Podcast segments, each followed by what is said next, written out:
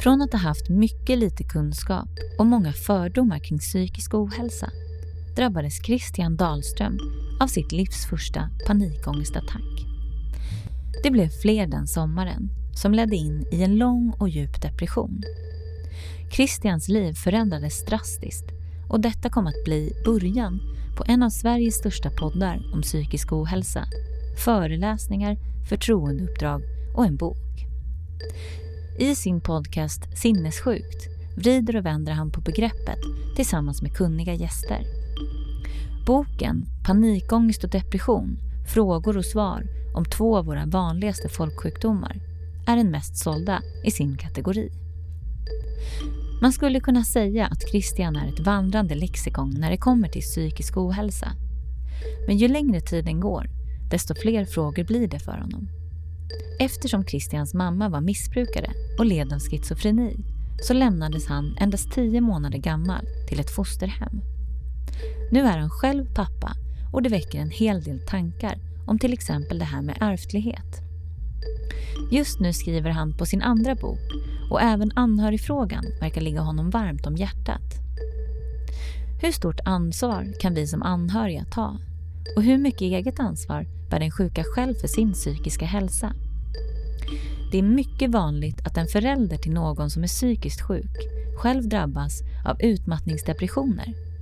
Det tenderar alltså även att gå ut över de anhörigas psykiska hälsa. Hur kan man som anhörig hjälpa på rätt sätt? Kan man se på någon att de lider av psykisk ohälsa? Och hur bemöter man egentligen en person som är deprimerad? Det här är några av de frågor som vi diskuterar i avsnittet med Christian Dahlström.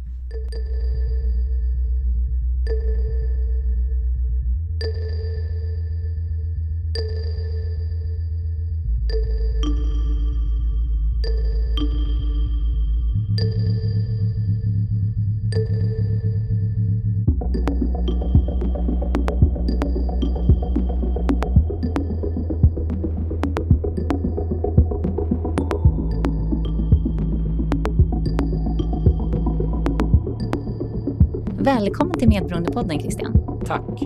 Jag brukar alltid inleda med en fråga där jag vill att du berättar lite vem du är och vad det är du gör. Jag eh, arbetar som frilansskribent, författare och föreläsare, gör en del copyjobb och så också.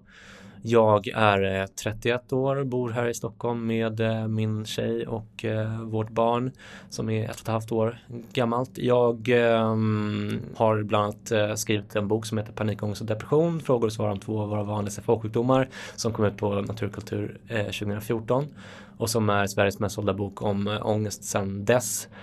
Och så har jag en podcast, jag med, som alla här på Söder så har jag en podcast.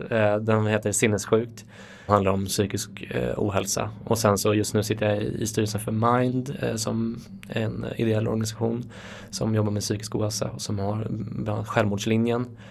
Jag är eh, ambassadör för psykiatrifonden och, och lite sådär. Så eh, nästan allt eh, jag jobbar med kretsar kring psykisk ohälsa nu för tiden förutom de copyjobben som jag gör åt eh, en byrå här i Stockholm som jag fortfarande som jag fortfarande har som kund med min sista copykund som jag håller kvar i för att eh, eh, jag gillar dem och jag har varit anställd där tidigare. Men annars så jobbar jag nästan bara med, med psykisk ohälsa på ett eller annat sätt.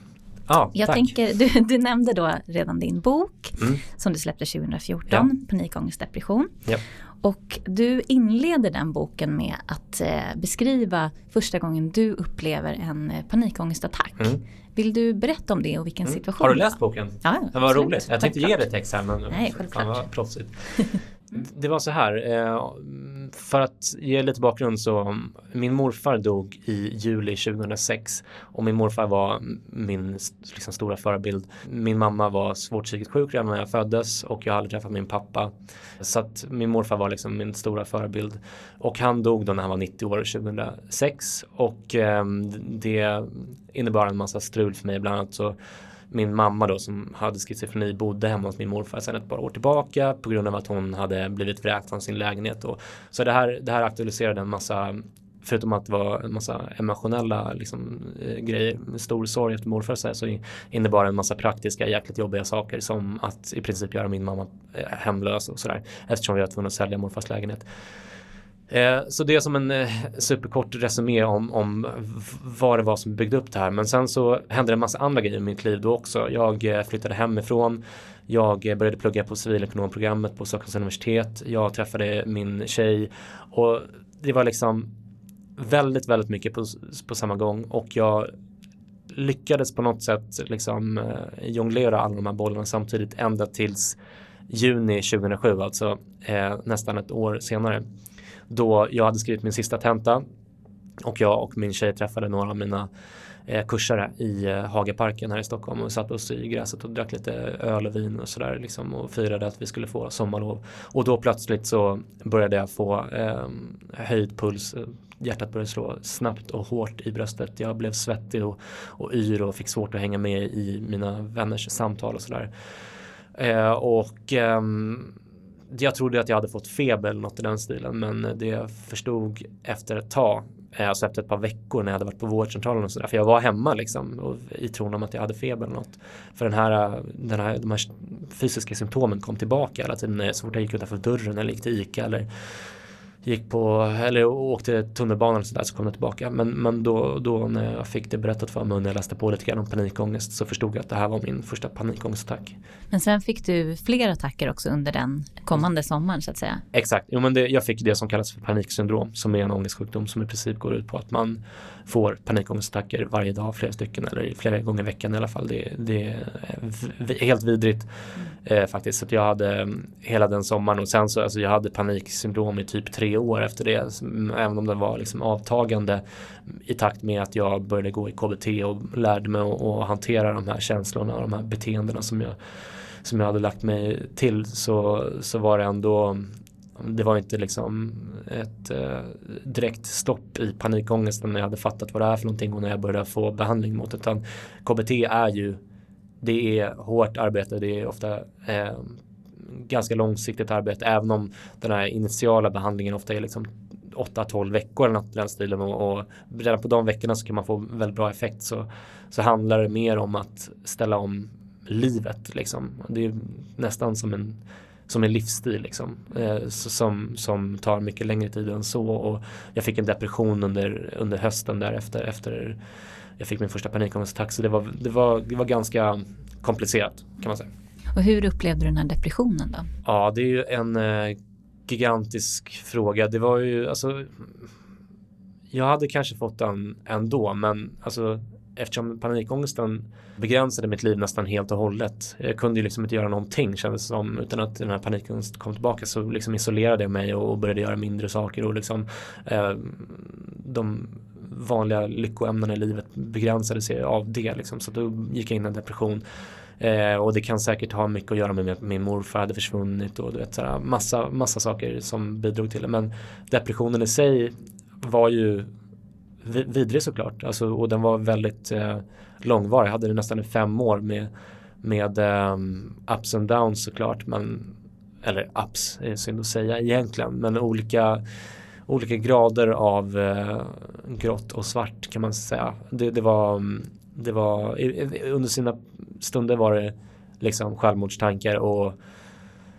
väldigt, väldigt eh, låg eh, gnista liksom. Och sen i perioder så var det väl lite bättre. Men jag hade hela tiden den här liksom det depressiva eh, locket över mitt, mitt mående som gjorde att jag liksom i princip aldrig kände mig riktigt glad. Mm.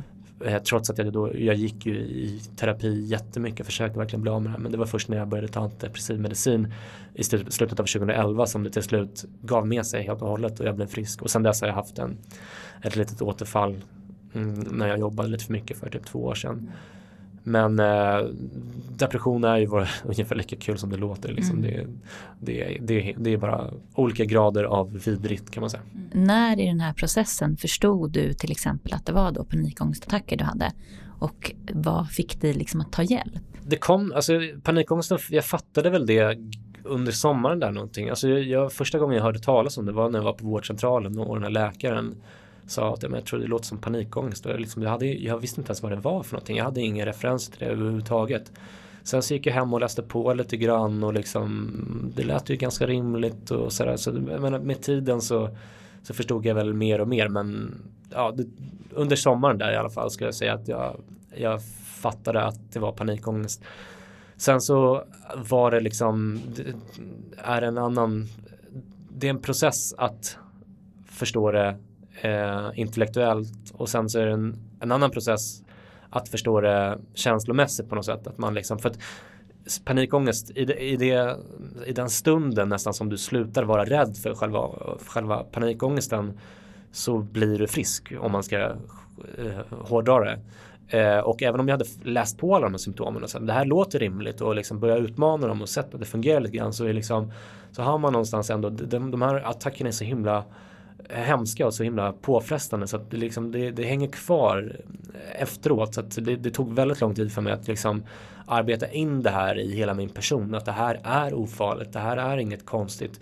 Eh, jag vet varför de här grejerna kommer. Så, så nu när jag hade min utmattningsdepression för typ två år sedan så fick jag en eller två attacker. Men då hade jag liksom, då hade jag det här så väl inarbetat att det liksom, jag har ganska stor ska man säga, psykologisk motståndskraft mot panikångest idag. Eh, hoppas jag och mm. tror. Sen så menar livet kan servera mig omständigheter som gör att jag liksom trots min ganska stora kunskap och trots min liksom erfarenhet och, och alla liksom verktyg jag fått för att bekämpa panikångesten så, så är det absolut inte omöjligt att jag får problem med panikångest igen. Men, men just nu så, det var ju alltså, två år sedan jag hade en attack senast och jag känner mig inte särskilt rädd för panikångesten då är jag betydligt mer rädd för att depressionen ska komma tillbaka. Mm. Men det här också att få på något sätt svart på vitt, alltså en, en diagnos eller liksom få namn på vad det är man upplever. Mm. Kände du att det förändrade? Det är lätt att man eh, till exempel vid sin första panikångestattack känner lite skam och liksom att, så här, att man blir annorlunda och konstig och kan inte riktigt eh, förstå det. Förändrade, alltså din relation till, till dina symptom så att säga, förändrades det när du jo, fick liksom ett men det, det, det, är klart att det, det gjorde det lite lättare när man har fått en etikett på det. Det är många som beskriver det. Samtidigt, samtidigt så innebär det också att jag får jag, jag eh, får svart på vitt att jag är psykiskt sjuk. Och det är inte heller så här himla härligt, eller hur? Att, menar, det, alltså, innan det här drabbade mig så var psykiskt sjuk, det var ju liksom förknippat med att bli intagen på mentalsjukhus, att vara en riktig jävla dåre liksom. Och att livet i princip var över i någon form av praktisk mening därför att folk gillar inte psykiskt sjuka människor.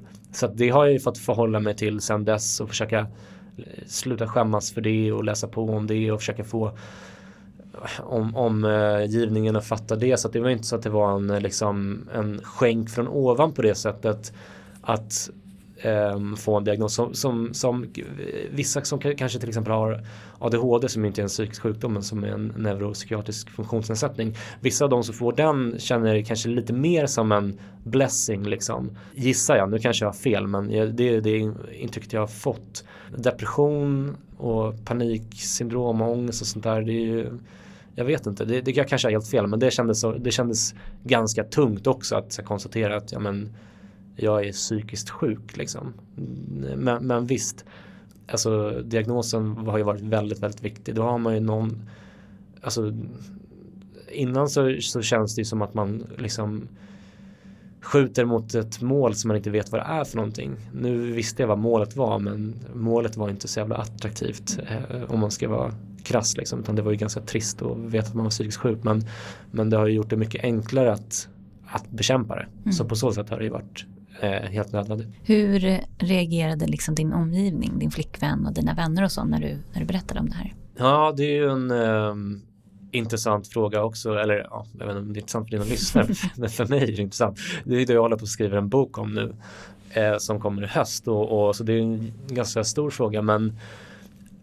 överlag så relativt bra ändå måste jag säga. Så jag uppmuntrar alltid folk som som kommer fram till mig efter en föreläsning eller som hör av sig till mig som lyssnar på podden och sådär att berätta om det här för att det är väldigt, väldigt sällan man får en negativ respons från det man berättar för. Det allra vanligaste, åtta av tio rycker på axlarna och kanske inte riktigt förstår eller så, så jaha okej okay, men det spelar väl ingen roll eller ja, men jag har, jag har eh, diabetes typ eller reagerar på det sättet. Och eh, nästan alla andra eh, reagerar med empati och säger att men fan jag har också någonting eller min brorsa tog livet av sig, fan var bipolär eller något sånt där. Så att eh, generellt sett så ganska bra, framförallt min tjej såklart. Jag menar, vi, nu har vi varit tillsammans i, i tio år och hon har ju fått stå ut med det här. Eh, alltså även om det inte är mitt fel så har det ju såklart drabbat henne också. Så hon har ju reagerat väldigt bra får jag säga. Eh, även om men det, liksom, självklart, men om man lever med någon som har de här typen av problem så, så uppstår det jobbiga situationer. Såklart, som har varit jäkligt jobbiga för henne. Så att mm, det är, om, det är omöjligt att agera på ett perfekt sätt om man lever med någon 24-7 som har den här typen av problem. Men, men i det stora hela så har hon varit fantastisk. Min familj har också varit ganska bra. Men har lämnat en del i övrigt att önska också kan jag tycka, vilket jag skriver om i min bok också, till exempel mina föräldrar. Har liksom, de har inte haft något problem att prata om det här. Så här, de har väl kanske tyckt att det var lite jobbigt att härbärgera min ångest ibland. Det är ju tungt liksom såklart för vem som helst. Eh, men i det stora hela så har de, har de varit förstående och försökt liksom förstå så gott de kan. Men till exempel så jag blev ju nekad vård ganska, ganska länge i olika perioder. Så det känner du säkert till att det är överlag väldigt svårt att få framförallt psykoterapi. Om du vill ha antidepp utskrivet så, så är det bara ett liksom, vårdcentralsbesök bort många gånger. Vilket kan vara positivt men och, eh, och ofta är, är negativt. Även om jag tar de här medicinerna själv. så, så tycker jag att det är skrivs ut lite för lättvindigt och jag tycker att eh, man borde få psykoterapi om, om om eh, man vill. Så att eh, mina föräldrar, de, jag tycker att de borde ha eh, gått in och betalat eh, privat psykoterapi för mig. De hade råd att göra det. Så det, det är en sån sak som jag, som jag, om det hade drabbat mitt barn så hade jag inte tvekat en millisekund på att göra det. Men alltså, överlag har de också varit bra. Mina vänner relativt bra där också. Vissa bättre än andra. Jag har en kompis som heter Dennis vars föräldrar har haft psykiska problem i egentligen hela hans, hans liv. Och han har varit fantastisk och har aldrig haft något problem att prata om det här. Även när jag liksom har berättat att ja, men nu har jag haft lite självmordstankar eller vad det nu kan vara så har han liksom, pulsen går inte upp ett enda slag på honom. Annars har det varit kompisar som har varit liksom, ja, men, du vet, som, som jag sa, åtta av tio liksom, att ja, men, rycker lite grann på axlarna och det är ingen big deal. Och det är jävligt skönt för mig att berätta om det. Men det är klart att jag hade kunnat önska att de inte bara hade låtit det falla i glömska utan för att man, jag hade den där depressionen i fem år. Under den perioden så, så slutade de fråga efter det, alltså, men de frågade typ aldrig om det men eh, efter att jag berättade om det. Liksom. Jag försöker vara som mot mina vänner som drabbas att liksom höra av mig ibland eh, och sådär, du, för en vecka sedan så mådde du skit då, hur mår du idag liksom? Men det kanske är mycket att begära också, jag vet inte. Jag känner ju igen, alltså jag är ju bipolär. Mm. Och jag kan ju, just när jag fick min diagnos och berättade det för folk i min omgivning så reagerar många så här, vadå har du depressioner? Du är ju så glad liksom, mm. att det inte syns på utsidan Nej, hur man mår och sådär. Har du, eh, vad har du för relation till, till den delen, liksom, att det inte riktigt syns? Alltså överlag så är det ju är det så som du säger, det syns inte.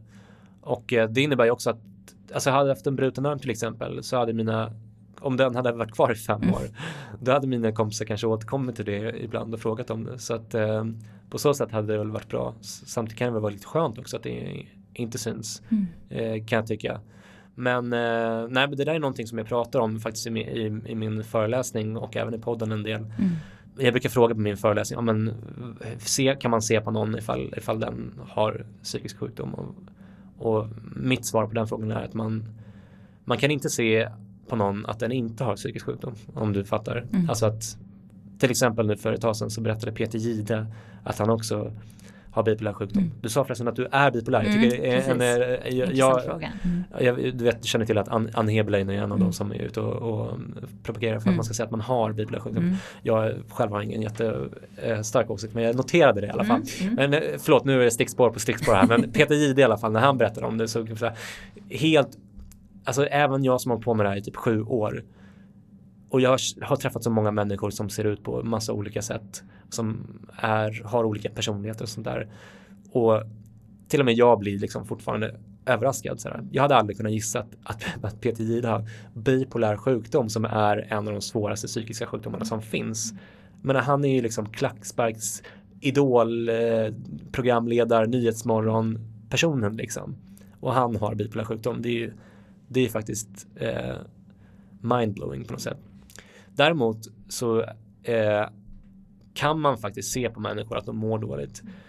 Alltså om en person till exempel eh, ser väldigt trött ut ganska ofta, eh, pratar lite långsamt eller liksom om man ser på dem, eh, han eller hon eller hen när den skrattar att den kanske inte ser helt genuint ut liksom. Men då, då skulle det faktiskt kunna vara en depression där. Det är inte omöjligt, alltså även det är klart att man blir kanske bättre på att se sånt ju mer tränad man blir. Om man typ jobbar som mentalskötare så där kanske man blir mer.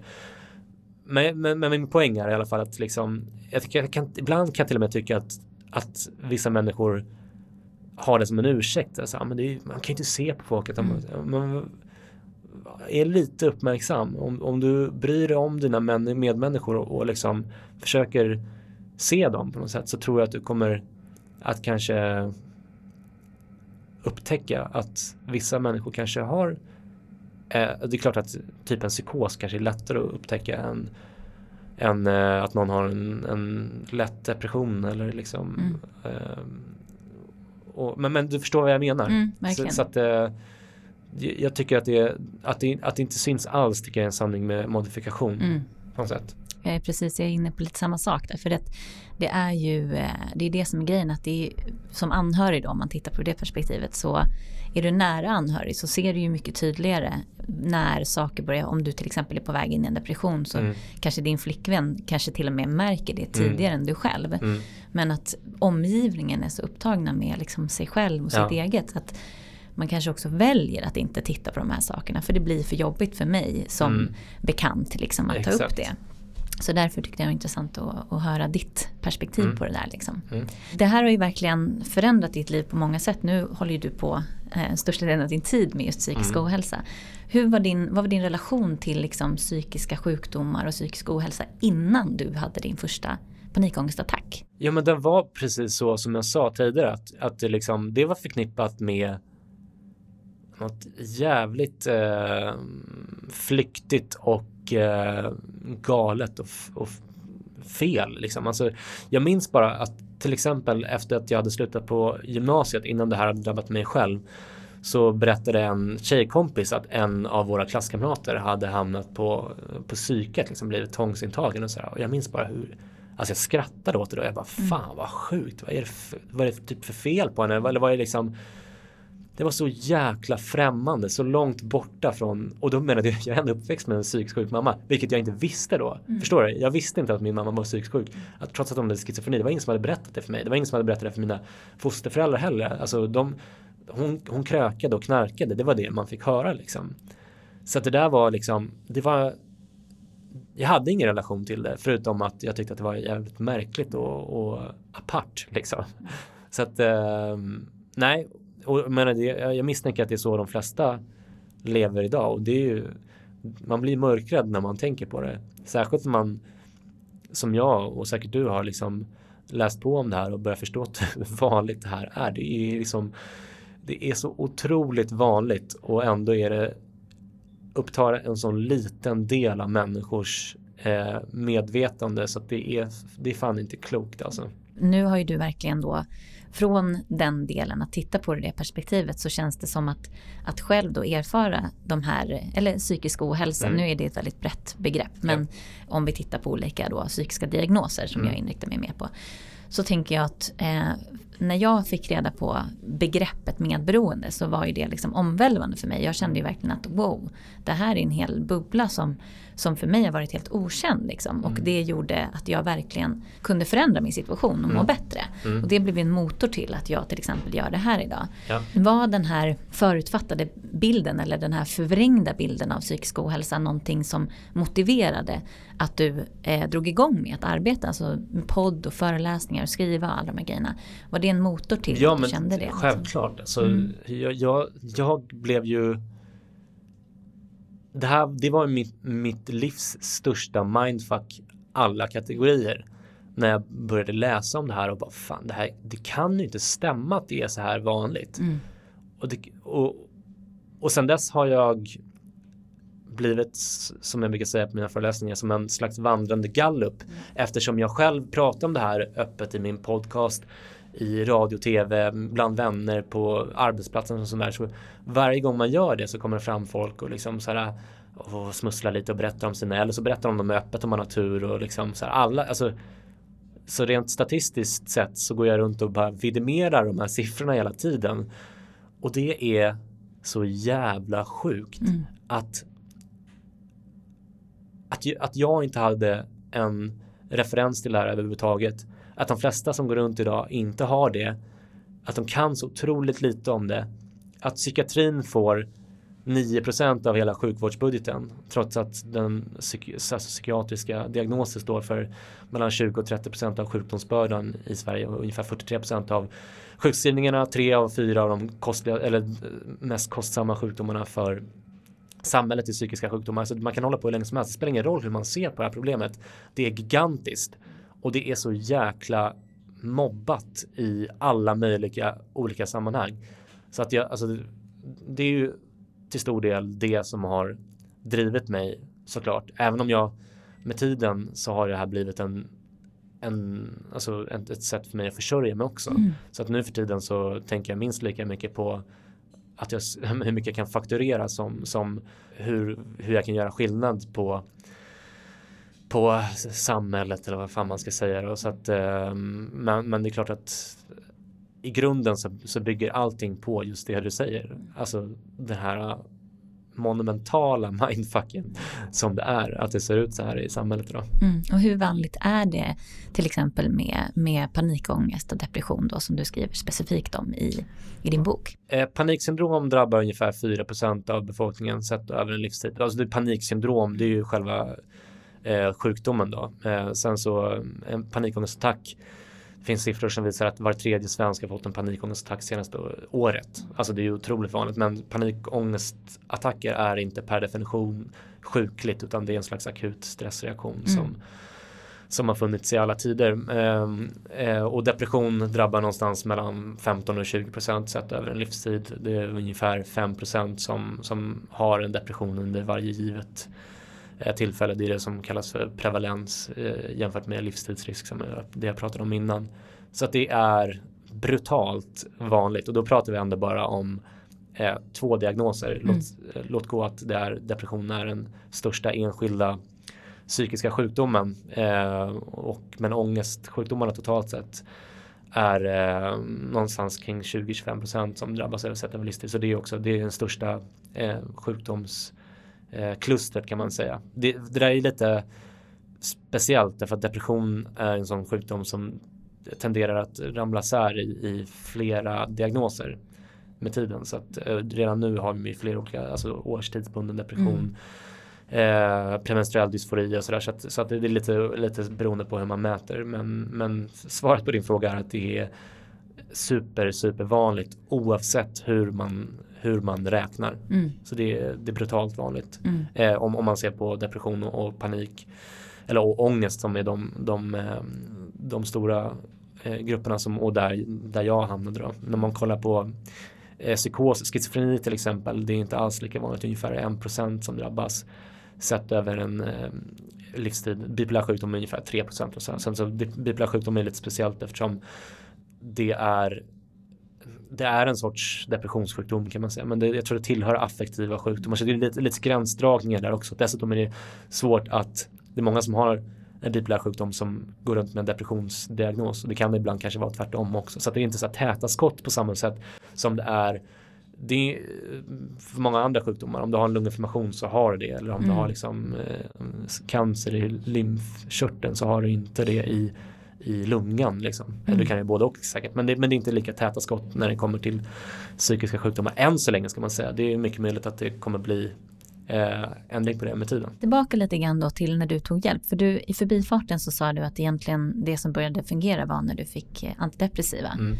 Var det efter, liksom, du pratar om fem års depression. Ja. När i den processen fick du till slut antidepressiva funkar? Om ja, jag brukar utelämna eh, den första svängen jag hade med antidepressiva mediciner som jag fick nästan precis i början av dramaturgiska skäl eller av liksom för att förenkla det lite grann. Eh, det är inte så att jag skäms över eller något sånt där utan bara för att inte för, för att förenkla det lite grann så att det blir för krångligt för det är redan rätt krångligt som det är men men eh, KBT var ju det som jag, som jag verkligen ville ha. Jag läste ju på väldigt mycket om det här och förstod att KBT var det som hade bäst eh, effekt mot paniksyndrom. Och även jag hade en måttlig depression då. Alltså man, man gör sådana skattningsskalor så ser man att finns det lätt eh, måttlig eller djup depression. Jag hade måttlig, vilket är lite missvisande därför att en måttlig depression är inte alls måttlig mm. utan den är jävligt jobbig. Eh, men, men så försökte jag behandla min depression med, eh, med KBT. Alltså både i gruppterapi, enskild terapi, internetterapi. Så jag försökte verkligen, för jag ville inte börja ta mediciner. Vilket berodde dels på att jag hade en mamma som var läkemedelsmissbrukare. Jag hade läst en massa på internet. Jag hade min, en släkting som är psykolog som hade en väldigt sådär, eh, märklig bild på vad psykofarmaka är sådär, som, som skrämde upp mig ganska mycket. Så att jag, jag ville verkligen inte börja ta medicin Eh, så att jag efter den här första svängen då som var ett par månader så, så försökte jag allt i min makt för att bli av med den här depressionen utan att börja ta antidepressiv medicin. Men fick till slut ta Eh, för att alla blir inte hjälpta av antidepressiv medicin. Det är, en ganska trubbig medicin. Den, den har stora, att det gick inte. Och efter det så blev jag frisk. Och varje gång jag säger det så, så brukar jag brasklappa för att det kan lätt bli så att om man lyssnar på mig och kanske inte har någon insyn i det här eller har hört så många andra prata om det här så kanske man kan tänka sig att ja, men han tog antidepressiv och medicin och så blev det bra eller han tog KBT och så blev det bra för paniksyndrom och så här.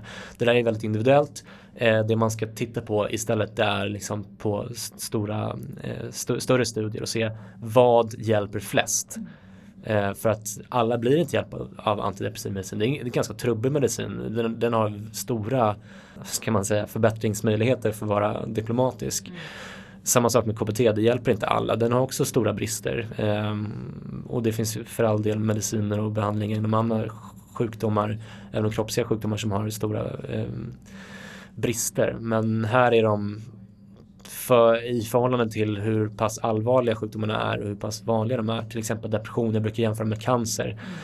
Eh, som väldigt många i min släkt har haft eh, och jag vill absolut inte bagatellisera det men, men där var det ju så att man i eh, 1971 tror jag det var eh, Richard Nixon om jag inte missminner mig som, som deklarerade War on Cancer och vilket ledde till att man pumpade in som brutala eh, belopp i cancerforskningen och har gjort det egentligen ända sedan dess vilket har gjort att man har fått fram en massa mediciner och behandlingar som är liksom typ målsökande eller nu jag är inte alls särskilt bra på, på, på, på cancer men det jag har förstått det är att de har kommit väldigt, väldigt mycket längre där eh, relativt sett mot de psykiska sjukdomarna.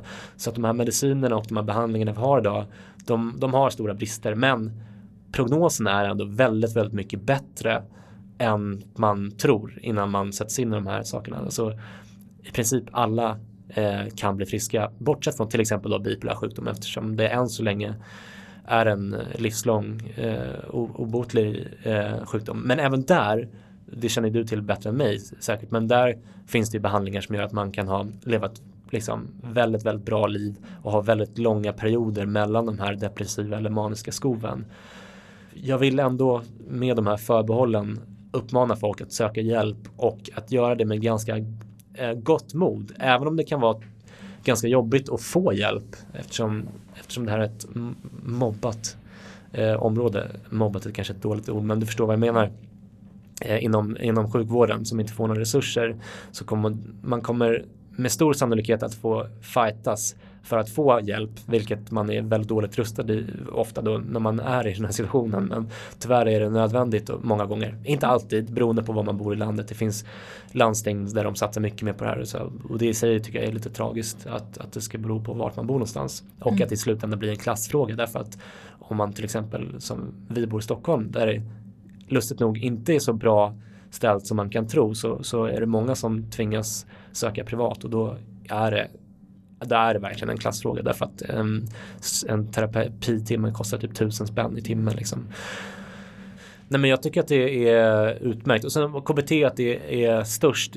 Det är också, jag är inte helt säker på att det är störst. Alltså det, det är ju mest efterfrågat av människor. Men eh, bara nu i dagarna så är det ju en stor diskussion om Socialstyrelsens nya riktlinjer eh, som vissa tycker är orimliga, som jag tycker är i den mån jag satt mig in i dem ganska rimliga. Men där de i alla fall pushar mer för KBT. Mm. Därför att de har sett att trots att de rekommenderar KBT som förstahandsval för väldigt många olika tillstånd så är det inte så det ser ut i landet. Det är fortfarande, även om det har börjat ske eh, och ganska stor om, om eh, utsträckning har skett en, en omställning från psykodynamisk terapi till KBT-terapi så det har gått alldeles för sakta.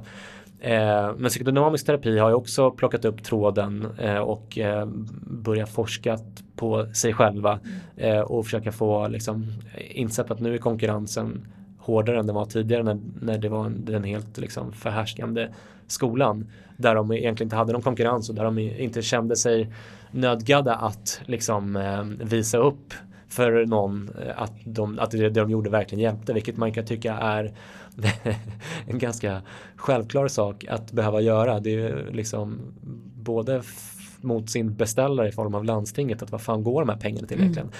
Men också mot patienterna. Att, men vad, vad har jag för prognos att bli bättre här? Så psykodynamisk terapi håller på att och, och tar sig tillbaka och dessutom på att reformeras och bli bättre, vilket är utmärkt. Eh, KBT är som jag tycker då på goda grunder eh, solklar etta när det kommer till liksom, eh, alltså Socialstyrelsens rekommendationer och vad folk efterfrågar. Sådär. Eh, men jag, jag tycker psykoterapi, jag är all for. Mm. Eh, jag tycker det är jätteviktigt eh, att man, alltså framförallt att det ska kunna finnas alternativ. Alltså för mig fanns det inget alternativ. Jag ville ha terapi så himla mycket. Och det var det som hjälpte mot min panikångest. Och det hade säkert kunnat hjälpa mot min depression också. Nu gjorde inte det i mitt fall, men för många så gör det ju det. Och om man då kan slippa ta de här medicinerna som är ganska tunga och som är ganska jobbiga och, och både sätta in och sätta ut och byta dos och, och, ibland får man byta preparat och sånt där. Det är skitjobbigt, det är hemskt många gånger. Om man kan undvika det så, och dessutom många gånger så är terapi en eh, mer långsiktig lösning eftersom man lär sig liksom att hantera saker så att man till exempel bli av med, sin, med sitt paniksyndrom mm. eh, och att man får verktyg att jobba med det så att man inte eh, får tillbaka det. Till exempel en bipolär sjukdom, där funkar inte det. Liksom. Alltså, jag tycker det finns säkert skäl att gå i, i terapi som, som om man har bipolär sjukdom också.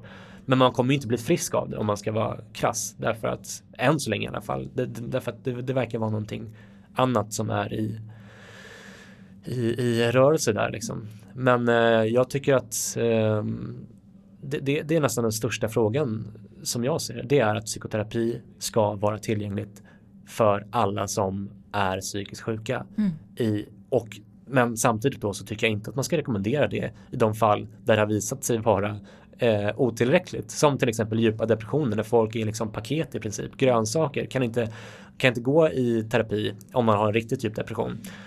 Eh, och att då förfäkta att de ska ha rätt till att gå i terapi när de inte tar sig upp ur sängen och behöver någonting helt annat i form av till exempel antidepressiva eller elbehandling eller vad det nu kan vara. Jag, jag tycker att man ska vara helt och hållet pragmatisk när det kommer till sådana saker. Man ska inte ha, det ska inte finnas någon moralisk värdering i det. Det ska inte finnas någonting annat än patientens bästa. Mm. Alltså eh, vad har vi sett funkar i vetenskaplig forskning?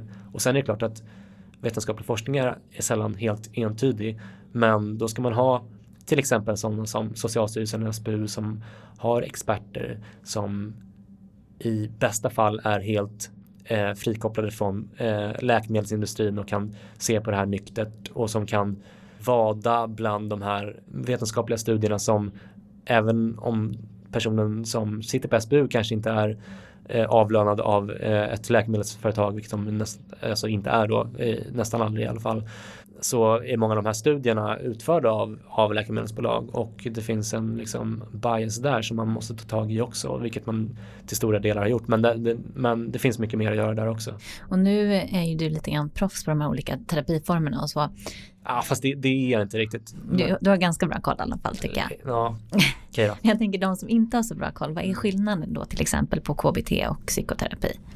Psykodynamisk terapi. Psykodynamisk, ja. Psykoterapi är ju, eh, det är ju själva begreppet. Alltså, Helheten. Mm. Eh, exakt. Mm. Jag, jag har bara gått i KBT. Mm. Jag har varit en gång hos en psykodynamisk terapeut men det var misstag för att min, min eh, odugliga eh, husläkare inte ordinerade mig rätt. Mm. Men Eh, så jag, jag, det jag kan om psykodynamisk terapi har jag, har jag läst om. Men mm. som jag förstår det så handlar det mer om eh, att lösa eh, konflikter, eh, medvetna och omedvetna, mycket kopplat till ens barndom och, och kanske relationer till olika människor och sådär. Den är ju sprungen ur psykoanalysen som är alltså Freud, att ligga på en divan i tio år och prata med någon eh, och liksom väldigt frikopplat från från eh, liksom, alltså det står i bjärt kontrast till KBT som är så, ah, men här har vi en sjukdom, hur ska vi bota den? Hur många gånger tar det? Hur kan vi förfina den här? Det här där är mer liksom flummigt och liksom eh, nästan mer liksom som livscoachning eller så här, som jag har förstått det. Mm. Jag är inget stort fan av psykoanalys som du hör, även om jag inte är superduper insatt. Men, men psykodynamisk terapi är ju sprunget ur psyk psykoanalysen men, men väl någon form av liksom, eh, det är något helt annat. Det är ändå en, en, uttalad terapi som, som tanken är att man ska bli frisk liksom. Eh, och sen så har den psykodynamiska terapin har ofta den har ju, eftersom den är sprungen ur psykoanalysen så har den också varit väldigt långsiktig och sådär liksom. Men de senaste åren så har det kommit sådana korttids psykodynamiska terapier som, som mycket då tack vare att de har fått ett, ett eh, krav på sig att vara vetenskapliga. Att det, det de gör ska kunna bevisas vara hjälpa dem som är mm. sjuka helt enkelt. Så att, och, och då har de fått eh, en del eh, vetenskapliga belägg för sin effekt mot vissa eh, tillstånd, vilket är utmärkt. Eh, alltså jag, jag lägger ingen värdering i om någon går i psykodynamisk terapi eller KBT. Det enda jag tycker är viktigt det är att man, kan, att man blir bättre. Mm. Sen blir inte alla bättre, men att man kan se att ja, men det här är eh, mest effektivt. Både för den här personens skull men också för landstinget och menar, skattebetalarnas skull. Men, mm.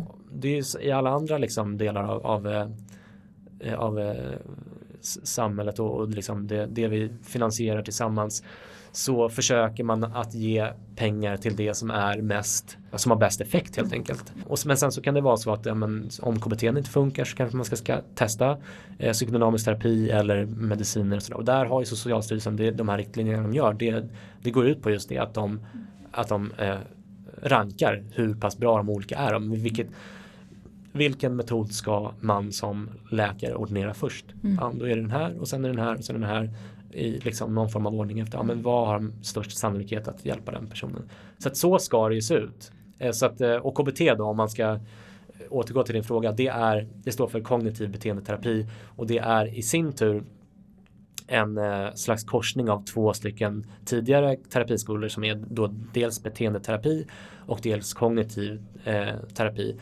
Beteendeterapi går ut på att eh, man ifrågasätter beteenden hos människor. Alltså du om du hade haft eh, panikångest som mig så hade du till exempel din terapeut sagt okej okay, men Eh, hur har du förändrat ditt, ditt liv efter att ha fått det här? Ja, men jag har slutat åka tunnelbana. Mm. Och så bara, okay. Varför har jag gjort det? Och eh, eh, hur kan du ändra på det? Och så börjar man liksom väldigt så här, praktiskt. Ja, men, hur stor rädsla hade du när, du när du gick in i den här situationen igen?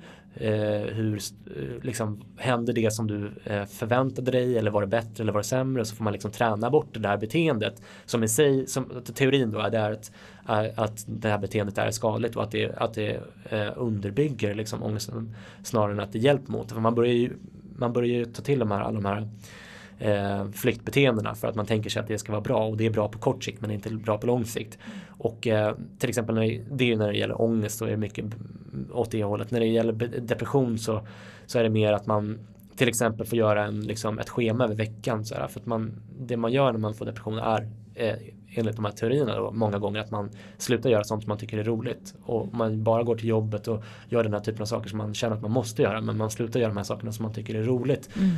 Eh, dels för att man kanske inte vill träffa människor för att man är så himla vet, deppig och dels för att man kanske inte känner någon lycka riktigt och då är teorin att man, ju mer man gör det här desto större sannolikhet är att man tar sig ur den här depressionen så då kan det vara det man får göra istället. Och det kognitiva då i KBT det är att man ifrågasätter eh, tankar, kognitioner, alltså tankar, tankemönster, negativa tankemönster, sådär, automatiska negativa tankar som man pratar om. att ja, men, Nu händer det här och du fick en kanske omedvetet, men du kanske tänkte vilken dålig människa jag är eller något sånt där. Och då får du liksom börja uppmärksamma de här tankarna. Att istället för att de flyger iväg så får du fånga dem och liksom så här, ifrågasätta dem. Och så här, men stämmer den här tanken? Och, så här, och då är teorin att genom att göra det så kanske man eh, får mindre ångest eller man kanske blir lyckligare och sånt där. Mm. Så det, det är liksom extremt förenklat så är det mm. det KBT. Och KBT i sin tur är eh, sprunget ur den psykodynamiska skolan, mm. eh, den psykoanalysen, alltså det är en, en, en eh, amerikansk eh, psykolog som heter Aaron Beck som fortfarande lever, han tror han är 95 år gammal och sånt där. Men han var psykodynamiker från början men tyckte inte riktigt att det funkade så bra som han ville och tyckte att det saknades en massa bitar som han då byggde KBT ur på 80-talet så det är ganska nytt. Och nu finns det ju oändligt många vad ska man säga, avarter av de här varianterna också. Mm. Men eh, nu pratar vi väldigt mycket om vad kanske Socialstyrelsen rekommenderar och, och eh, precis som du sa var, var mm. det är bevisat att det ger bäst effekt eh, och så. Men det tänker jag snarare blir en djungel om du kanske ska söka privat eh, terapi till exempel. Ja absolut och, och vad de är mm, alltså om, om, man säger att man, om man är man legitimerad psykolog med KBT, alltså KBT-inriktning då, då, är det ändå det är, liksom, det är ändå ganska standardiserat precis som psykodynamisk terapi är. Så det är inte liksom, det är inte så att de skjuter från höften på det sättet liksom, utan, men det kan se lite olika ut och framförallt så är ju olika diagnoser har olika behandlingar så som jag beskrivit lite grann då väldigt förenklat och, mm så mm, kring ångest kontra depression så, alltså, så ser den ju ut på olika sätt mm. för, för, olika tillstånd men, men det finns ändå en, en eh, metodik och en liksom standardiserad liksom eh, standardiserat tillvägagångssätt mm. någonstans i grunden. Sen så när man söker privat så visst man kan, man kan dyka på olika olika, alltså det, till exempel så är alltså, det är inte alla som håller på med KBT som är psykologer. Alltså det, det, är psykoterapeuter som kanske är socionomer i grunden som har gått en sån här grundutbildning i KBT. Mm. Det kan vara utmärkt. Men, men det är inte säkert. Det kanske är bättre med psykolog ibland, vad vet jag. Mm. Eh, dessutom, men det, det allra viktigaste tycker jag det är att man söker efter någon som är legitimerad. Mm. Det är jätte, jätteviktigt. Legitimerad hos eh, Socialstyrelsen. Mm. Inte diplomerad, inte certifierad, inte auktoriserad eller vad det nu kan vara. Eh, och det kanske låter fånigt att, det, att, att hänga upp sig på en sån sak men det är jätteviktigt därför att om man inte är legitimerad då behöver man inte föra journal. Man kan inte ställas till svars ifall man felbehandlar någon.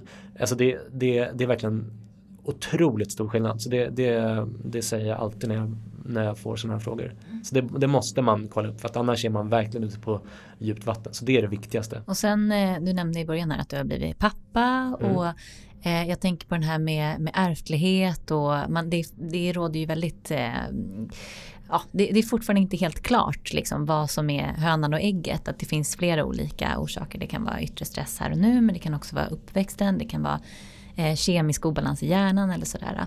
Eh, hur såg din uppväxt ut? Det där med arv och miljö är ju, så, det är ju den stora frågan i, i det här fältet. Eh, kemisk obalans, det är en form av vetenskaplig eh, eh, myt eller väldigt, väldigt grov förenkling som, som, eh, som jag inte riktigt eh, köper. Men, men, om man ska skita i vad, vad teknisk så, på sätt så, så, sätt så men i mitt eget fall så, så um, har jag den här, um, jag har psykisk ohälsa i, i släkten. Min mamma hade schizofreni innan hon dog. Uh, jag har också andra släktingar som jag har fått liksom veta efteråt som har haft lite olika psykiska problem. Eftersom jag, jag har aldrig träffat min pappa, jag har, hela den sidan av mitt släktträd är helt blankt för mig så har jag inte jag har verkligen ingen perfekt eh, bild av hur, hur, eh, min släkt ser ut. För det, det är väldigt viktigt. Alltså, psykiska sjukdomar är överlag har man sett mer eh, genetiskt betingade, alltså mer ärftliga än de vanliga fysiska kropp, eh, folksjukdomarna vi har. Och det, ja, precis. Mm. Men sen så är det sånt där är ju alltid svårt att veta därför att hur, hur fan, hur ska man kunna mäta det liksom? Eh, det man gör då det är ofta att man gör sådana tvillingstudier. För att tvillingar, enäggstvillingar har ju samma DNA-uppsättning. Och då kan man se då, men hur ofta, om den ena får depression, hur ofta får den andra depression? Och, och då har man sett att det är väldigt, väldigt ofta. Så det är väldigt hög ärftlighet för till exempel depression. Kring typ 50 procent eller något i den sidan. Eh, men då kan man ju tänka sig, de är ju uppväxta i samma miljö. eller hur? De, Eh, syskon växer ju nästan alltid upp i samma familj. Då ska man ju kunna tänka sig, men varför? Det kan ju lika gärna vara så att de har gått i samma skola och blivit mobbade av samma mobbare. Liksom så här. Men då har man gjort eh, tvillingstudier på eh, enäggstvillingar som är uppväxta i olika familjer, vilket är otroligt ovanligt. Mm. Så de, de människorna, eh, de är ju värda sin vikt i guld för forskare. Mm. Men då har man sett att den här, um, den här um, ärftligheten finns kvar även då, även om man är uppväxt på helt olika ehm, ställen. Den är inte lika stark, men den är fortfarande väldigt stark. Så att ja, den ärftliga delen eh, spelar säkert in hos mig. Det, det, allt annat vore en skräll. Um, och den, um, alltså jag har ju växt upp i en fosterfamilj, även om den har varit väldigt bra så har det varit en del strul med min mamma sådär som Alltså, jag har nog haft en, en högre psykosocial belastning än de flesta. Eh, så det har säkert spelat in också. Så det, det, jag tycker det är, det är väldigt svårt att säga var, varför jag, just jag har blivit sjuk. Men, men vissa saker det, det känns ju ganska rimliga. Som både, både när det gäller ärftligheten och hur jag är uppväxt. Liksom. Jag är ju också uppvuxen utan pappa också för den delen. Mm. Men eh, min mamma som var alkoholist och mm. eh, psykiskt sjuk. Nu har vi fått reda på att det är bipolär sjukdom. Mm. Men, eh, Väldigt likt eh, min. Mm, jag tänkte det också, jag kände igen där. Eh, men och, och det, det jag tycker är intressant är ju att under min uppväxt hade jag ju ingen namn på de här Nej. sakerna. Det var ju bara att min mamma betedde sig märkligt eh, och att jag skämdes för henne och så. Och det gjorde ju i sin tur att jag eh, dömde ut henne väldigt hårt. Mm. Att jag kände väldigt mycket ilska emot att hon betedde sig så här. Att hon inte bara kunde skärpa sig. Mm. Hade du den känslan gentemot din mamma i och med att du inte visste? För det var ju precis ja. som du sa, att du visste inte att hon var schizofren. Nej. Det där är ju det mm, som är eh, en av, eh, kanske huvudtemat i, i den boken som jag skriver nu. För det är ju en sån sak som har genomsyrat mitt liv fullständigt. Alltså, um, och jag har pendlat fram och tillbaka och liksom eh, känt olika inför min mamma. Eh, dels mest för att jag inte har vetat helt enkelt, men också för att eh, ja, men det, liksom, hon har ju varit eh, packad många gånger när hon har ringt och liksom det har varit svårt för mig att veta och ingen annan har ju vetat heller och jag har fått väldigt lite information om det här. Så att även om, jag, du är uppväxt med din mamma mm. antar jag, ja, mm. även om jag varit uppväxt med min mamma så, så hade det varit svårt för mig att, att veta vad jag ska göra med den, den informationen jag har. Liksom. Så att jag har varit, eh, jag har varit liksom jag vet inte om jag varit så mycket arg på henne, lite grann. Jag tyckte att liksom, jag har fått bilden ibland av att hon har liksom supit bort mitt liv lite grann och så här, och det har ju känts illa liksom. Men eh, någonstans är jag, är, är jättesvårt att mm. veta. Mm. Men, men det som jag ändå har kommit fram till och som jag skriver om i boken och det har ju liksom på sätt och vis kommit fram till i och med att jag själv blev sjuk och började läsa på om det här. Det är, det är att eh, det finns ju väldigt försonande drag i, i, eh, när, när man, alltså i vetenskapen bakom psykiska sjukdomar. Därför att då har jag mer och mer förstått att okej, okay, vänta nu, schizofreni där är eh, en av de mest ärftliga eh, eh psykiska sjukdomarna som finns. Det är klart att det finns någon form av ärftlighet eh, som spelar in hos min mamma, någon form av sårbarhet. Mm. Eh, och varför krökade hon när hon var i tonåren? Eller varför började hon liksom knarka sånt där? Men det, det, jag vet inte riktigt. Och hade hon vetat att det här hade blivit produkten av det mm. så är det klart att hon hade valt bort det. Så även om, om jag liksom förstår det. Så det, det har liksom med tiden så har jag kommit att, även om förlåt är kanske fel ord som jag aldrig kanske känt mig superduper arg på henne eller liksom så här, på det sättet som du kanske gjort. Men det kanske också beror på att jag inte växt upp med henne och, och att hon liksom jag flyttade från henne när jag var tio månader och under den perioden så, så var hon eh, allt annat än en, en exemplarisk mamma, men det, vilket ju har sin förklaring då. Men ändå att hon liksom inte bytte min blöja, att hon var hårdhänt mot mig, att jag liksom låg på golvet och åt fimpar och så. Men att för mig som pappa nu så liksom, mm, det, det gör ju ont att höra om det, men samtidigt så, så förstår jag ju mer och mer eh, liksom mekanismerna bakom de här sjukdomarna. Och en sak som vi pratar om i podden ganska ofta det är ju vilket ansvar man har själv som psykiskt sjuk. Och det är inte en alldeles lätt fråga men det är en ganska intressant fråga tycker jag. Mm. Alltså i mitt fall och i ditt fall, liksom, vad har vi för ansvar för att må bra själva?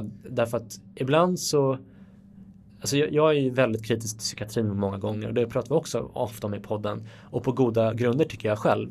Rent objektivt så har man ganska goda grunder att skälla på psykiatrin även om det är många fantastiska människor som jobbar där. Mm. Men ändå så, så pratar vi också om att man har faktiskt själv ett ganska stort ansvar för sitt liv oavsett om man blir psykiskt sjuk eller fysiskt sjuk. Mm.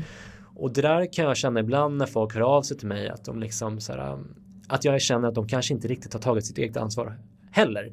Psykiatrin har ett stort ansvar självklart. Jag är liksom eh, i grunden sosse. Jag tycker att det är rimligt att samhället har eh, skyldigheter mot eh, oss medborgare precis som vi har skyldigheter mot, mot samhället eftersom ja, men, det är, en, det är en, en rimlig sätt att, eh, att, eh, att, att leva på för människor. Eh, så, men, men poängen är att jag tycker att eh, man, man har ett eget ansvar. Jag tycker att man, man, man ska liksom läsa på. Man, om, om man läser på så förstår man att till exempel sömn är väldigt viktigt för alla människor och särskilt viktigt för sådana som dig och mig som har en, en sårbarhet. Mm. Ja, men då får man faktiskt gå och lägga sig i tid. Man får försöka se till att få sömn. Man får försöka se till att träna om det nu är eh, någonting som, som kan vara bra, vilket det ofta är vissa tränar för mycket och det blir ett eh, psykiskt problem i sig. Men, men du förstår vad jag menar. Man, man, har ett, man har ett eget ansvar att fylla eh, för, men för sitt eget liv oavsett om det är en psykisk sjukdom eller en, en fysisk sjukdom. Och jag upplever inte att, att alla gör det om man ska vara krass. Det, det, det är en ganska det, ganska, det låter hårt. Liksom. Det låter ganska mm. hårt mm. och det är en ganska eh, tuff sanning för poddlyssnarna att få serverad. Men, men eh, jag måste ändå säga det jag tycker, det jag, det, det jag känner. Och där svarade du indirekt på min följdfråga. Liksom. Jo, för, det, för mig var det ju så att jag, när jag, dels när jag själv fick min diagnos, men mm. också då när jag började förstå psykisk ohälsa mycket mer, eh, och jag började förstå att beroende är en sjukdom också, mm. så förändrade det min syn mm. på, på min mamma. Liksom. Ja. För plötsligt så förstår jag att hon hade inte riktigt den makten eh, över de här sjukdomarna. Um, och sen så, sa du, så pratade du tidigare om att din mamma, eh, att hon mer eller mindre var tvungen att bli hemlös. Eller du hade inget val för mm. att eh, din morfar gick bort då ja. med lägenheten och sådär. Och det är ju också någonting som nu ordnade sig det ändå för ja. vi kontaktade SOS och fick en hjälplägenhet mm. eller vad det fan nu kallas. Ja men, men ändå. Lätt, ja. ja. men precis för där är ju en, en verkligen en sån här gräns liksom. Vad är man kapabel till att ta ansvar för? Mm. Och, och, samtidigt liksom vilket ansvar har samhället? Precis mm. som du pratade om. Mm. Och den, eh, där förstås så är det ju så att är du psykotisk så är det väldigt svårt att ta ansvar för det. Men om du vet om till exempel då ja men som ja, förlåt. Gör, alltså, mm. Alltså, ja, men det var för alltså, att förtydliga det. Ja, men mm. verkligen. Alltså, och i min mammas eh, fall, om vi ska återvända till henne, så alltså schizofreni, det är en, det är en hemsk mm. sjukdom.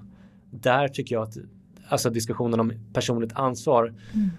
Den är ganska, alltså även där tycker jag faktiskt att man har ett personligt ansvar men det är mycket, mycket mindre mm. än någon som har ett ett eh, dåligt förhållande och som ger en massa ångest och som man kanske inte riktigt orkar ta tag i. Du förstår, förstår jag menar? Ja, absolut. Det där, och det är ingen liksom det är inte svart eller vitt. Det, liksom, det finns inga definitiva svar heller.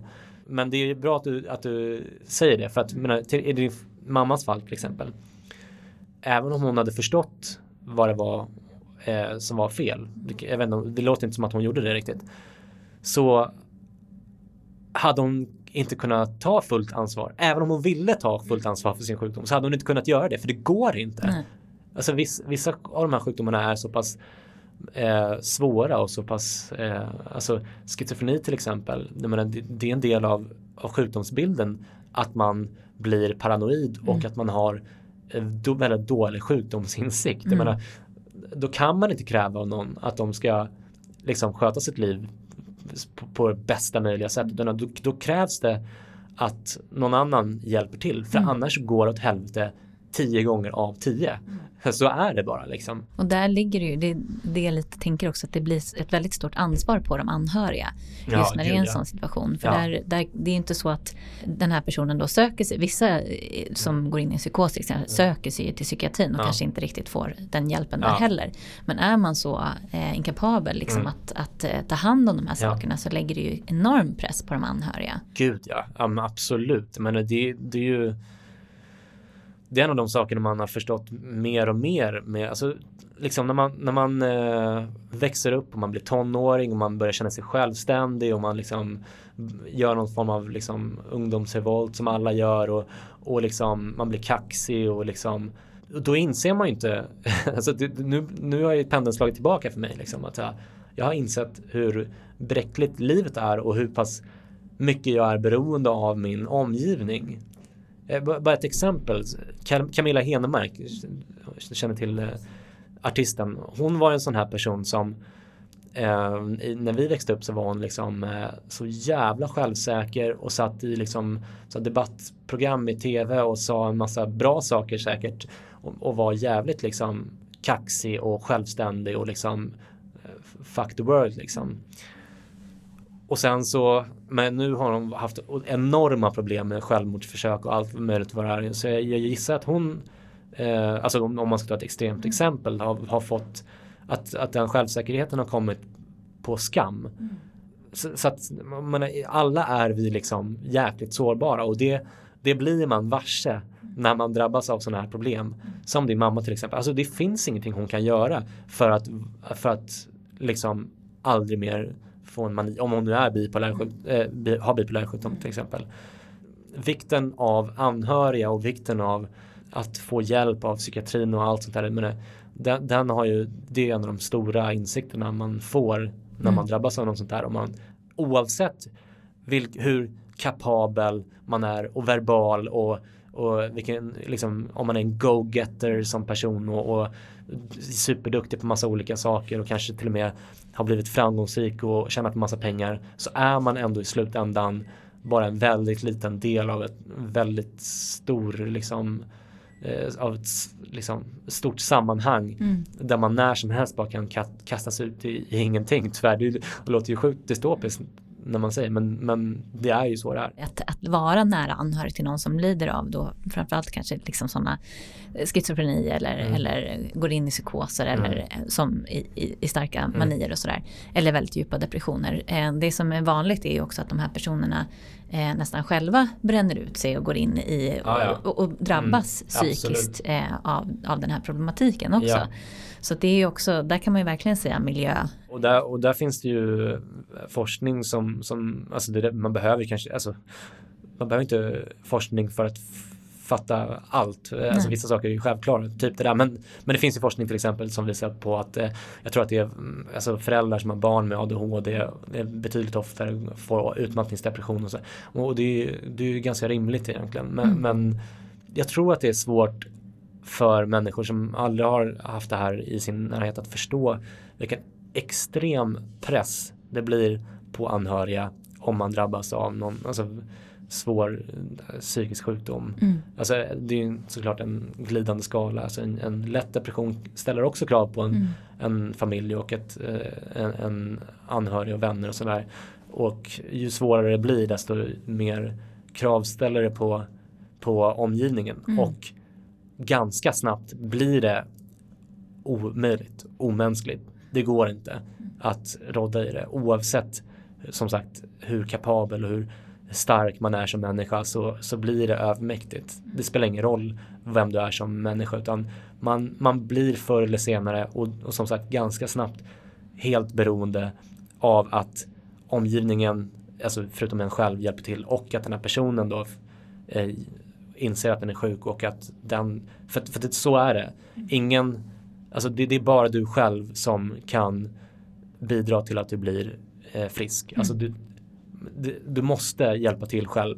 Alltså du kan få elbehandling om du är djupt deprimerad. Sådär. Då kan du liksom få en skjuts på vägen. Och sådär. Men, eh, och, och, precis samma sak med alla andra sjukdomar. Men du, du måste, tyvärr så, så krävs det ett, ett driv från dig själv. En vilja att bli frisk. En vilja att ta medicinerna. En vilja att gå och lägga sig i tid och att liksom eh, träna eller att eh, liksom, förstår du vad jag menar? Mm. Eh, gå i terapi eller vad det nu är.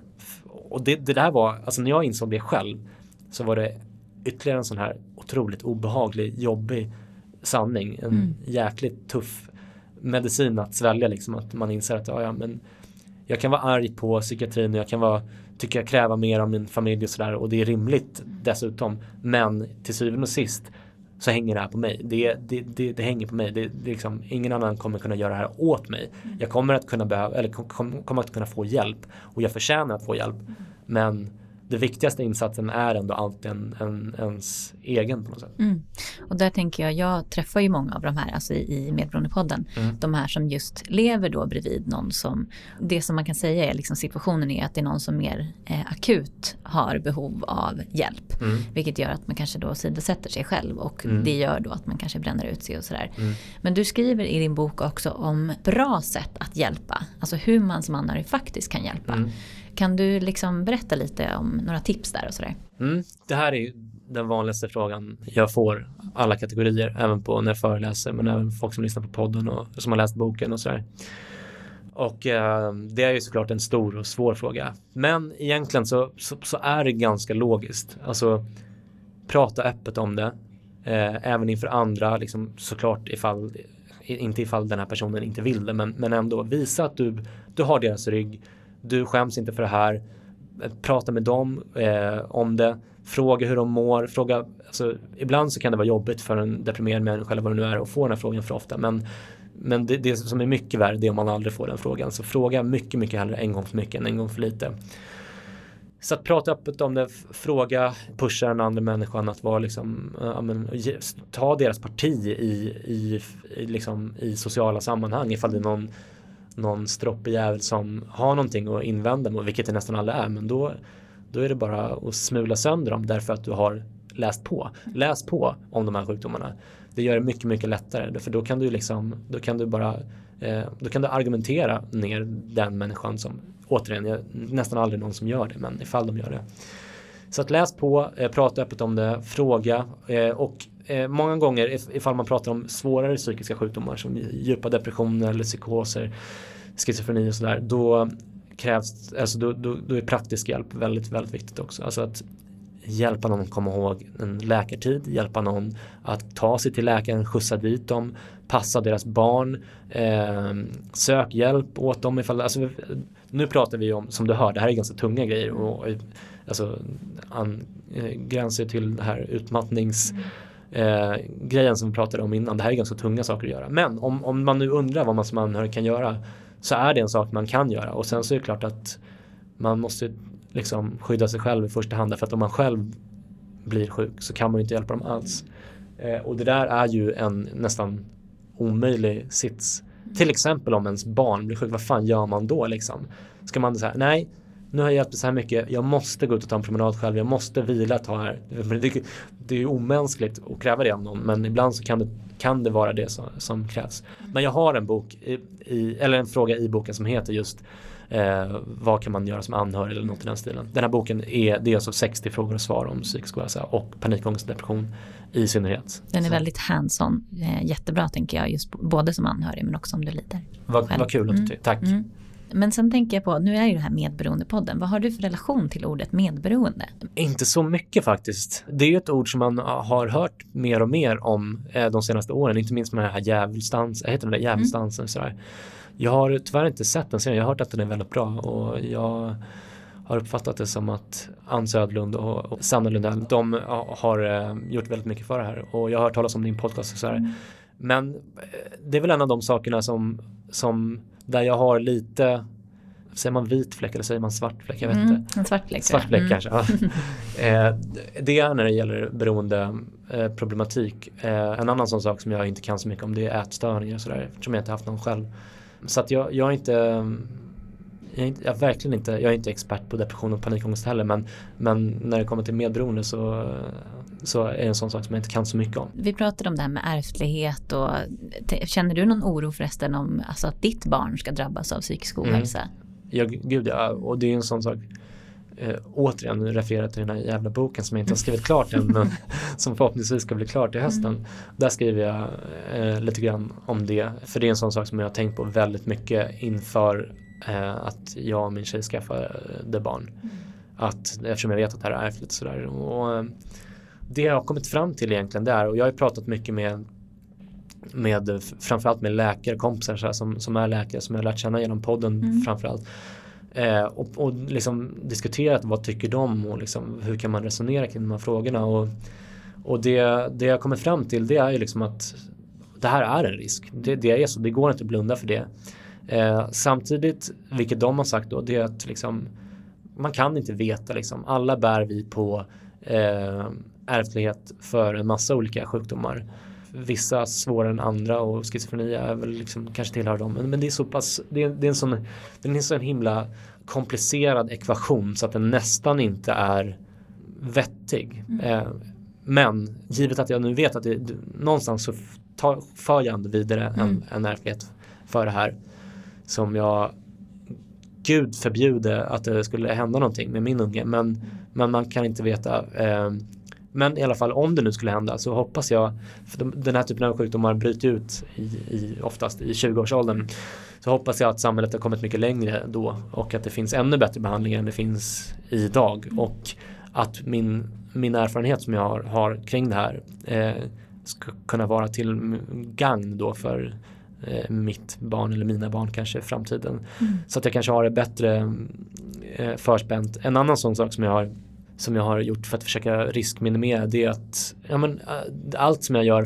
för att minska risken för att jag själv ska bli sjuk. Alltså att försöka ordna min ekonomi lite. Nu låter det som att jag är någon slags lyxfällan person. Det är jag inte alls. Utan jag är civilekonom i grunden och jävligt ekonomisk. Men eftersom jag har varit sjuk så har det varit väldigt svårt att försörja sig. Liksom. Mm. Men att jag försöker bygga upp min karriär och, och, nu för tiden har jag väldigt bra betalt för mina föreläsningar till exempel. Min podcast har blivit jättestor så att där jag börjar tjäna lite mer pengar. Eh, jag har nyligen eh, avsagt mig min plats i styrelsen för Mind efter två år när min mandatperiod går ut här vilket känns jättetråkigt för att det är världens bästa organisation. Men det är volontärarbete. Det, jag har jobbat gratis och mm. jag måste någonstans tänka på mig själv i första hand nu, särskilt när jag har ett barn. Mm. Så det är massa praktiska saker och sen en massa teoretiska kring ärftlighet till mina barn och sånt där som har gjort att jag till slut har kommit fram till att ja, nej, men nu, nu, eh, nu, nu testar vi så liksom, att skaffa barn är alltid en chansning. Mm. Det kan gå till helvete på tusen olika mm. sätt, eller hur? Men eh, jag tycker ändå att jag har tagit ansvar så, så gott det går. Och det där är en sån sak som jag själv reagerar ganska mycket på, särskilt eftersom jag är uppväxt i en fosterfamilj och på sätt och vis har haft det ganska tufft så reagerar jag på när folk i ens närhet som jag inte tycker är lämpliga föräldrar, som jag inte tycker har gjort grundjobbet när de skaffar barn. Det här är också lite eh, kontroversiellt eller lite, lite edgy på något sätt. Men du förstår vad jag menar. Då, då kan jag tycka att här, nej, men jag, jag, jag tycker att man har ett ansvar som förälder. Inte bara för att ta hand om sitt barn när det väl har kommit, men utan också att se till att det finns goda förutsättningar för att skaffa barn men det är inte alla som håller med mig där. Jag, jag, jag är medveten om det. Men, men eh, och i mitt fall, min mamma, hon, jag vet inte exakt vad hon hade för vad hon, alltså hon, var, hon blev sjuk ungefär i samband med att jag, när hon blev gravid med mig mm. och så här. Så att, eh, återigen, jag, jag känner mig inte så bitter på henne, tror jag. Men, men ändå, jag tycker att om man vet att man har, eh, som i mitt fall, den här typen av sårbarhet, då måste man tänka kring det ta ett informerat beslut. Sen så som sagt i slutändan så är det ändå alltid en chansning. Men till exempel i podden så intervjuade jag en kille som heter Marcus Sandborg som eh, har schizofreni just och som har, eh, nu har fått sin, sin tredje unge här nyligen och alltså han har verkligen, jag har läst hans bok och intervjun med honom, eh, har du hört den? Ja det har jag lyssnat eh, jag, jag Personligen är den eh, kanske den jag är mest nöjd mm. av alla och ja, mest tack vare honom då såklart eftersom han har en så fantastisk historia men men just i diskussionen om så här, men vad kan man, hur tar man ansvar för sig själv och som förälder och så vidare. Där är han, alltså, han har ju schizofreni, per, alltså, han, är ju, han har ju redan blivit sjuk liksom. Men ändå valt att skaffa barn och ändå eh, gjort det, alltså tagit ansvar i väldigt hög utsträckning som man hör i intervjun. Att han liksom han har verkligen eh, kämpat sig igenom det här och, och liksom, han tar sina mediciner och han har börjat jobba och liksom han, men du vet, så äh, otroligt fascinerande historia mm. Eh, som jag tycker eh, alla borde lyssna på eller läsa hans bok. Mm. För att eh, det, det, jag tycker är ett väldigt bra exempel på, på just den här omöjliga ekvationen och hur man ska eh, ställa sig till den. Liksom. Mm. Och jag tänker att där är det ju en fördel också att du har all den här kunskapen. Det är ju någonting som du kanske inte hade, eller du kanske inte hade det stödet från dina föräldrar med den kunskapen, så det är också en fördel. Ja, precis. Nej, men så, så känner jag. Samtidigt så kanske du, kanske vi träffas på stan om fem år när det har gått åt helvete för mig och jag har värsta depressionen och, Mm. och liksom min unge jag har förlorat vårdnaden om hen. Man vet ju inte det. Alltså jag har fortfarande en sårbarhet för det här. Så att även om jag sitter här och berättar om alla sätt som jag har försökt riskminimera så är inte, jag är inte safe liksom. Men jag tycker ändå att jag, jag har inga problem inf- inför eh, mig själv eller någon i min omgivning eller min unge att försvara beslutet att vi skaffade barn till slut. Utan För jag tycker att jag har tagit ett informerat beslut. Men som sagt, det kan gå åt helvete för mig ändå. Mm. Men det kan gå åt helvete för vem som helst också. Alltså psykisk ohälsa, det är lätt att det blir att man pratar om det som någonting fruktansvärt och ett nederlag nästan, alltså Mm. att, att lida av det här. Men kan du se något positivt? Eh, någon, något positiva drag som man får med just av om du lider av en diagnos som en psykisk diagnos eller, eller depressioner så. Kan det finnas någon fördel eller någonting positivt som det har med sig, för med sig? Absolut. Alltså, det är klart att min depression och min ångest har gjort att jag har blivit en helt annan människa som har, jag har fått alltså, mycket större insyn i män, alltså män, hur, människors liv liksom. Alltså hur det är att vara, nu låter det jäkligt klyschigt märker jag, men hur det är, vad det är att vara människa och hela den biten och sådär. Eh, och jag tycker att mitt liv har blivit mycket rikare av att jag blivit av med alla de här fördomarna mot psykiskt sjuka människor så att jag men psykiskt sjuka människor är väldigt alltså så här, man, varför begränsa sitt liv till att, att um, inte umgås med psykiskt sjuka människor som, som väldigt ofta är väldigt intressanta mä- människor. Men med det sagt att det finns såklart positiva saker. Just depression är ju tyvärr en av de sakerna som, som jag känner Alltså det, det är de minst bidragit med positiva saker Mm. med. Alltså hade jag helst av allt hade jag bara velat ha det ogjort och aldrig mer uppleva depression. Alltså, jag har ingen romantisk eller romantiserande bild kring, kring eh, de här diagnoserna. Eh, till exempel, det finns ju till exempel folk som har ADHD som, som, som ser det som lite av en, en superkraft. Och så. Men generellt sett så är jag lite allergisk mot eh, den typen av liksom romantiserande kring de här diagnoserna för att i slutändan så är det bara hemskt eh, såklart beroende på vad man har eh, men i de allra flesta fallen så är det bara helt jävla värdelöst liksom. Eh, sen att det kommer liksom, det finns något positivt i allt. Det är väl för väl det men men eh, hade jag fått välja så hade jag bara liksom aldrig någonsin drabbats av psykisk ohälsa och aldrig någonsin behövt ha det liksom en, som en referens i mitt liv överhuvudtaget. Det hade varit skönt att vara en klacksparksmänniska och, och leva helt utan ångest. Det hade varit, eller ja. Men jag tänker på det också, jag har ju intervjuat Simon Kyaga Mm. eh, som har forskat just kring den här Ja. länken mellan ja, genialitet, citationstecken och eh, Mm. framförallt i det här fallet så är det då Bipolär sjukdom. och schizofreni. Mm. Eh, och där har man ju hittat en länk men framförallt eh, den största länken hittar man bland de närmast anhöriga Mm. till de som lider av den här sjukdomen, sjukdomen i och med att sjukdomen i sig kan vara så begränsande. Mm. Men att man ändå har med sig någon form av, liksom lite tänka utanför boxen. Mm. Så. Och där tänker jag du som anhörig till en mamma som eh, lider av schizofreni. Har du, eh, kan du se någon fördel med det då? Eller kan du liksom relatera till det på något sätt? Jag är ett, Är ett jag är ett geni? exakt. Nej, eh, och Simon Kyagas forskning det är ju sk- skitintressant. Mm. Eh, jag, eh, jag tycker att han verkar supersympatisk. Jag lyssnar ibland på hans podcast och sådär och han sitter i styrelsen för Psykiatrifonden. Mm. Jag kan tycka kanske lite grann att, att det är lite överdrivet. Nu, har- nu har jag inte satt mig in supermycket i hans forskning men, men det är inte ett ett till ett eh, sammanhang eller eh, eh, samband mellan genialitet och bipolär sjukdom.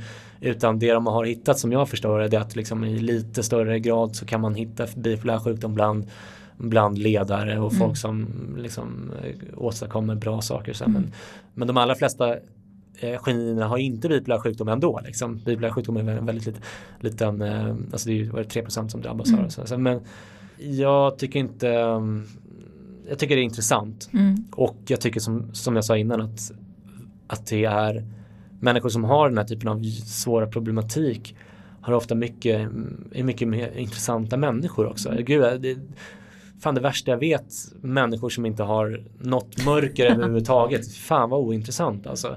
Jag blir, blir direkt liksom bara, ta mig härifrån liksom. Det är när, när folk har liksom någon, någon, någon som har upplevt något jävligt jobbigt och något, liksom, något helt annorlunda. Bipolär sjukdom eller schizofreni. Jag menar, Marcus Sandborg som jag intervjuade, liksom, alltså, han har ju upplevt som sjuka, alltså han har varit övertygad om att han har blivit kidnappad av, av, av aliens och fått ett chip. In, alltså, eller att han är liksom förföljd av motorcykelgäng och sådana saker. Och menar, det är ju superduper hemskt. Mm. Förstå mig rätt. Eh, men ändå. Han är ju så jävla mycket mer intressant än någon trist jävel på Handelsbanken som jag jobbade på tidigare som sitter där och är så jävla psykiskt frisk och liksom eh, överlag så är ju psykiskt, alltså människor som har någon, haft någon psykisk sjukdom eller någon form av jävligt jobbig livshändelse så mm. mycket, mycket mer intressanta. Det är mycket liksom roligare och, och och, och, ha det i sitt liv tycker jag. Och där tänker jag lite som, som vi inledde med där med att ha och att vara liksom en, att, som jag sa att jag är mm. bipolär. Och där tänker jag, där är det väl väldigt farligt att kanske minimera det till att man är sin sjukdom. Jag uttrycker det, jag säger att jag är eh, medberoende. Mm. Eh, och, men det är ju inte så att jag bara är bipolär eller bara är medberoende utan jag har Nej. integrerat Jag tycker det. att den där diskussionen är mm. lite, alltså Ann Hebelen har blivit lite geniförklarad. Jag gillar henne även om hon har verkar ha fått någon form av eh, knäpp här senaste tiden och mm. ute och svinga lite i media om, om eh, romerna och mm. vad det mm. nu är. Men det är just den här sägningen att man säger att man är bipolär, man säger inte att man är cancer eller mm. något sånt där. Jag, jag tyckte att den var ganska smart ända tills jag började fundera på det för att Alltså man säger att man är diabetiker till exempel. Man, eh, alltså, man, det finns andra eh, sjukdomar som inte är psykiska som man säger. Så jag, jag är inte lika säker på att, på att alltså den, den tesen, jag tycker inte att den håller fullt ut. Och dessutom så, menar, bipolär sjukdom är en obotlig sjukdom. Så att om man ska bli lite filosofisk så kan man faktiskt säga att du är en sjukdom på mm. något sätt. Alltså tyvärr, men det är ju så. Den är en väldigt stor del av min Den är en del av, av dig, även förmodligen då biologiskt liksom på ett sätt som eh, det finns ju kroniska fysiska sjukdomar också. Som, alltså, tills man hittar ett botemedel mot dem så är de faktiskt en del av, av den människan. Mm. Eh, men i bemärkelsen att man inte bara är sin sjukdom att man är så mycket mer att man ska, kan fokusera på andra saker så har jag absolut ingenting emot det är ju självklart liksom. På tal om det här då vad man har för, för olika karaktärsdrag och så och jag menar jag är förkyld säger man. Ja, exakt. Jag satt och tänkte på det också. Men, eh, men just det här att, att säga då eh, att jag är min sjukdom. Det är ju en helt annan sak. För det betyder ju i princip att, jag, att hela jag är exakt, min sjukdom. Ja, liksom. Men att jag Om man är, tolkar det bokstavligt. Ja, jag är kreativ kanske mm. som person. Eller jag är liksom. Eh, men det är ju inte så att jag bara är kreativ. Nej. Utan det är en, en del av min ja, karaktär. Exakt. Liksom så. Sen så har jag alltså av respekt för de här människorna som har till exempel bipolär sjukdom eller, så har jag börjat säga att man har bipolär sjukdom. Det var också därför jag reagerade på det du mm. sa och även om schizofreni. Många har reagerat på att jag har sagt att min mamma var schizofren. Nu för tiden säger jag nästan alltid att hon hade schizofreni. Mm. Jag, tycker, alltså, jag tycker att det, det är väl en, en eh, det är väl hyfs eller liksom, det är väl, det är väl alltså det är en liten uppoffring för mig att säga det ifall det betyder någonting för den här människan. Men ändå så tycker jag att ja, det är en en eh, nästan filosofisk mm. diskussion med mm. någonting annat. Om man nu eh, känner igen sig, till exempel i din historia, ja. och eh, var ska man börja? Vart vänder man sig för att få hjälp? Det är en egen fråga i min bok, eh, men det, det um, grunden tycker jag ska vara vårdcentralen. Alltså att man söker sig till vårdcentralen. Det är ju så eh, sjukvården är organiserad i Sverige. Att sjukvården, det, eller vårdcentralen, det är ju liksom hubben på något sätt. Eh, sen om man går i skolan till exempel så finns ju elevhälsa och på jobbet så kanske det finns eh, sjukvård via jobbet och, och så. Och det finns också ungdomsmottagning gick jag hos när jag var, alltså när det precis drabbade mig. Så, så det, man, man, skulle kunna börja där också. Men vårdcentralen är ju alltid ett, ett bra första steg. Men det är inte alltid säkert att man får hjälp där. Eh, som tur är så får man ju byta vårdcentral om man vill. Nu bor ju vi i Stockholm så här finns det en massa vårdcentraler att byta på. Det är inte säkert att man har det så om man bor på landet. Man kanske bara har en vårdcentral men eh, då finns det, det finns en massa annan hjälp att få också. Internetpsykiatri till exempel. Mm. Man kan söka privat om man har råd med det. Sådär. Jag listar alla de alternativen i boken. Men man ska i alla fall veta att det finns olika alternativ. Och det, det vettigaste är oftast att man börjar på vårdcentralen. Och man ska absolut söka hjälp men var beredd på att man kan bli besviken också, tyvärr. Alltså det, är det, det är den brasklappen man alltid måste slänga in när man rekommenderar det här, därför att det, det är den bistra verkligheten. Men ge, ge inte upp eh, om ni får ett nej eller om ni får tre eller tusen nej, utan fortsätt kämpa. Därför att på andra sidan eh, sjukdomen så finns det eh, ett liv som där du kommer se tillbaka på det här så som jag gör nu, även om jag som sagt inte känner mig safe, jag kan åka dit igen, men och se att jag har ett fantastiskt liv nu och fan vad det är värt det. Mm. Trots att det var väldigt, väldigt jobbigt att ta sig igenom det. Eh, man, det, det, är det man får tänka på, liksom. titta på den punkten längst bort i horisonten och tänka, men dit ska jag komma liksom och så kommer det vara en jävla jobbig resa kanske, mm. eventuellt. Ibland så kanske inte är det. Mm. Men eh, som sagt, var beredd på att tyvärr få lite motstånd i vården, men, men ge inte upp. Och det, nu för tiden så är det ju som sagt man kan byta vårdcentral men även sen var det ett år tillbaka så kan man, har man rätt att söka specialistvård. Eh, alltså inte, inte bara primärvård utan specialistvård vad man vill i landet. Vilket kanske är en sån här goddag yxskaft tips ifall man bor i Korpolombolo. Liksom. För att man kanske inte ja, ska sitta och, och pendla till Stockholm. Det kanske inte är görbart. Men ändå, liksom, det, det finns ändå möjligheter. Liksom. Det var mycket bra sista ord. Tusen tack Christian. Jag kommer också givetvis länka till ja, din bok och din fantastiska podd Sinnessjukt och även allt du gör, föreläsningar och så. Jättesnällt, gud vad schysst. Tack för att du var med. Tack för att jag fick vara med. Christians bok heter Panikångest och depression. Frågor och svar om två av våra vanligaste folksjukdomar.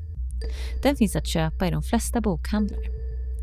Glöm inte att lyssna på Christians podd Sinnessjukt och vill du nå Christian eller se mer av hans verksamhet kan du gå in på www.sinnessjukt.se eller www.vadardepression.se. Vill du veta mer om medberoende kan du gå in på vår hemsida www.medberoendepodden.se. Och i sociala medier heter vi givetvis Medberoendepodden.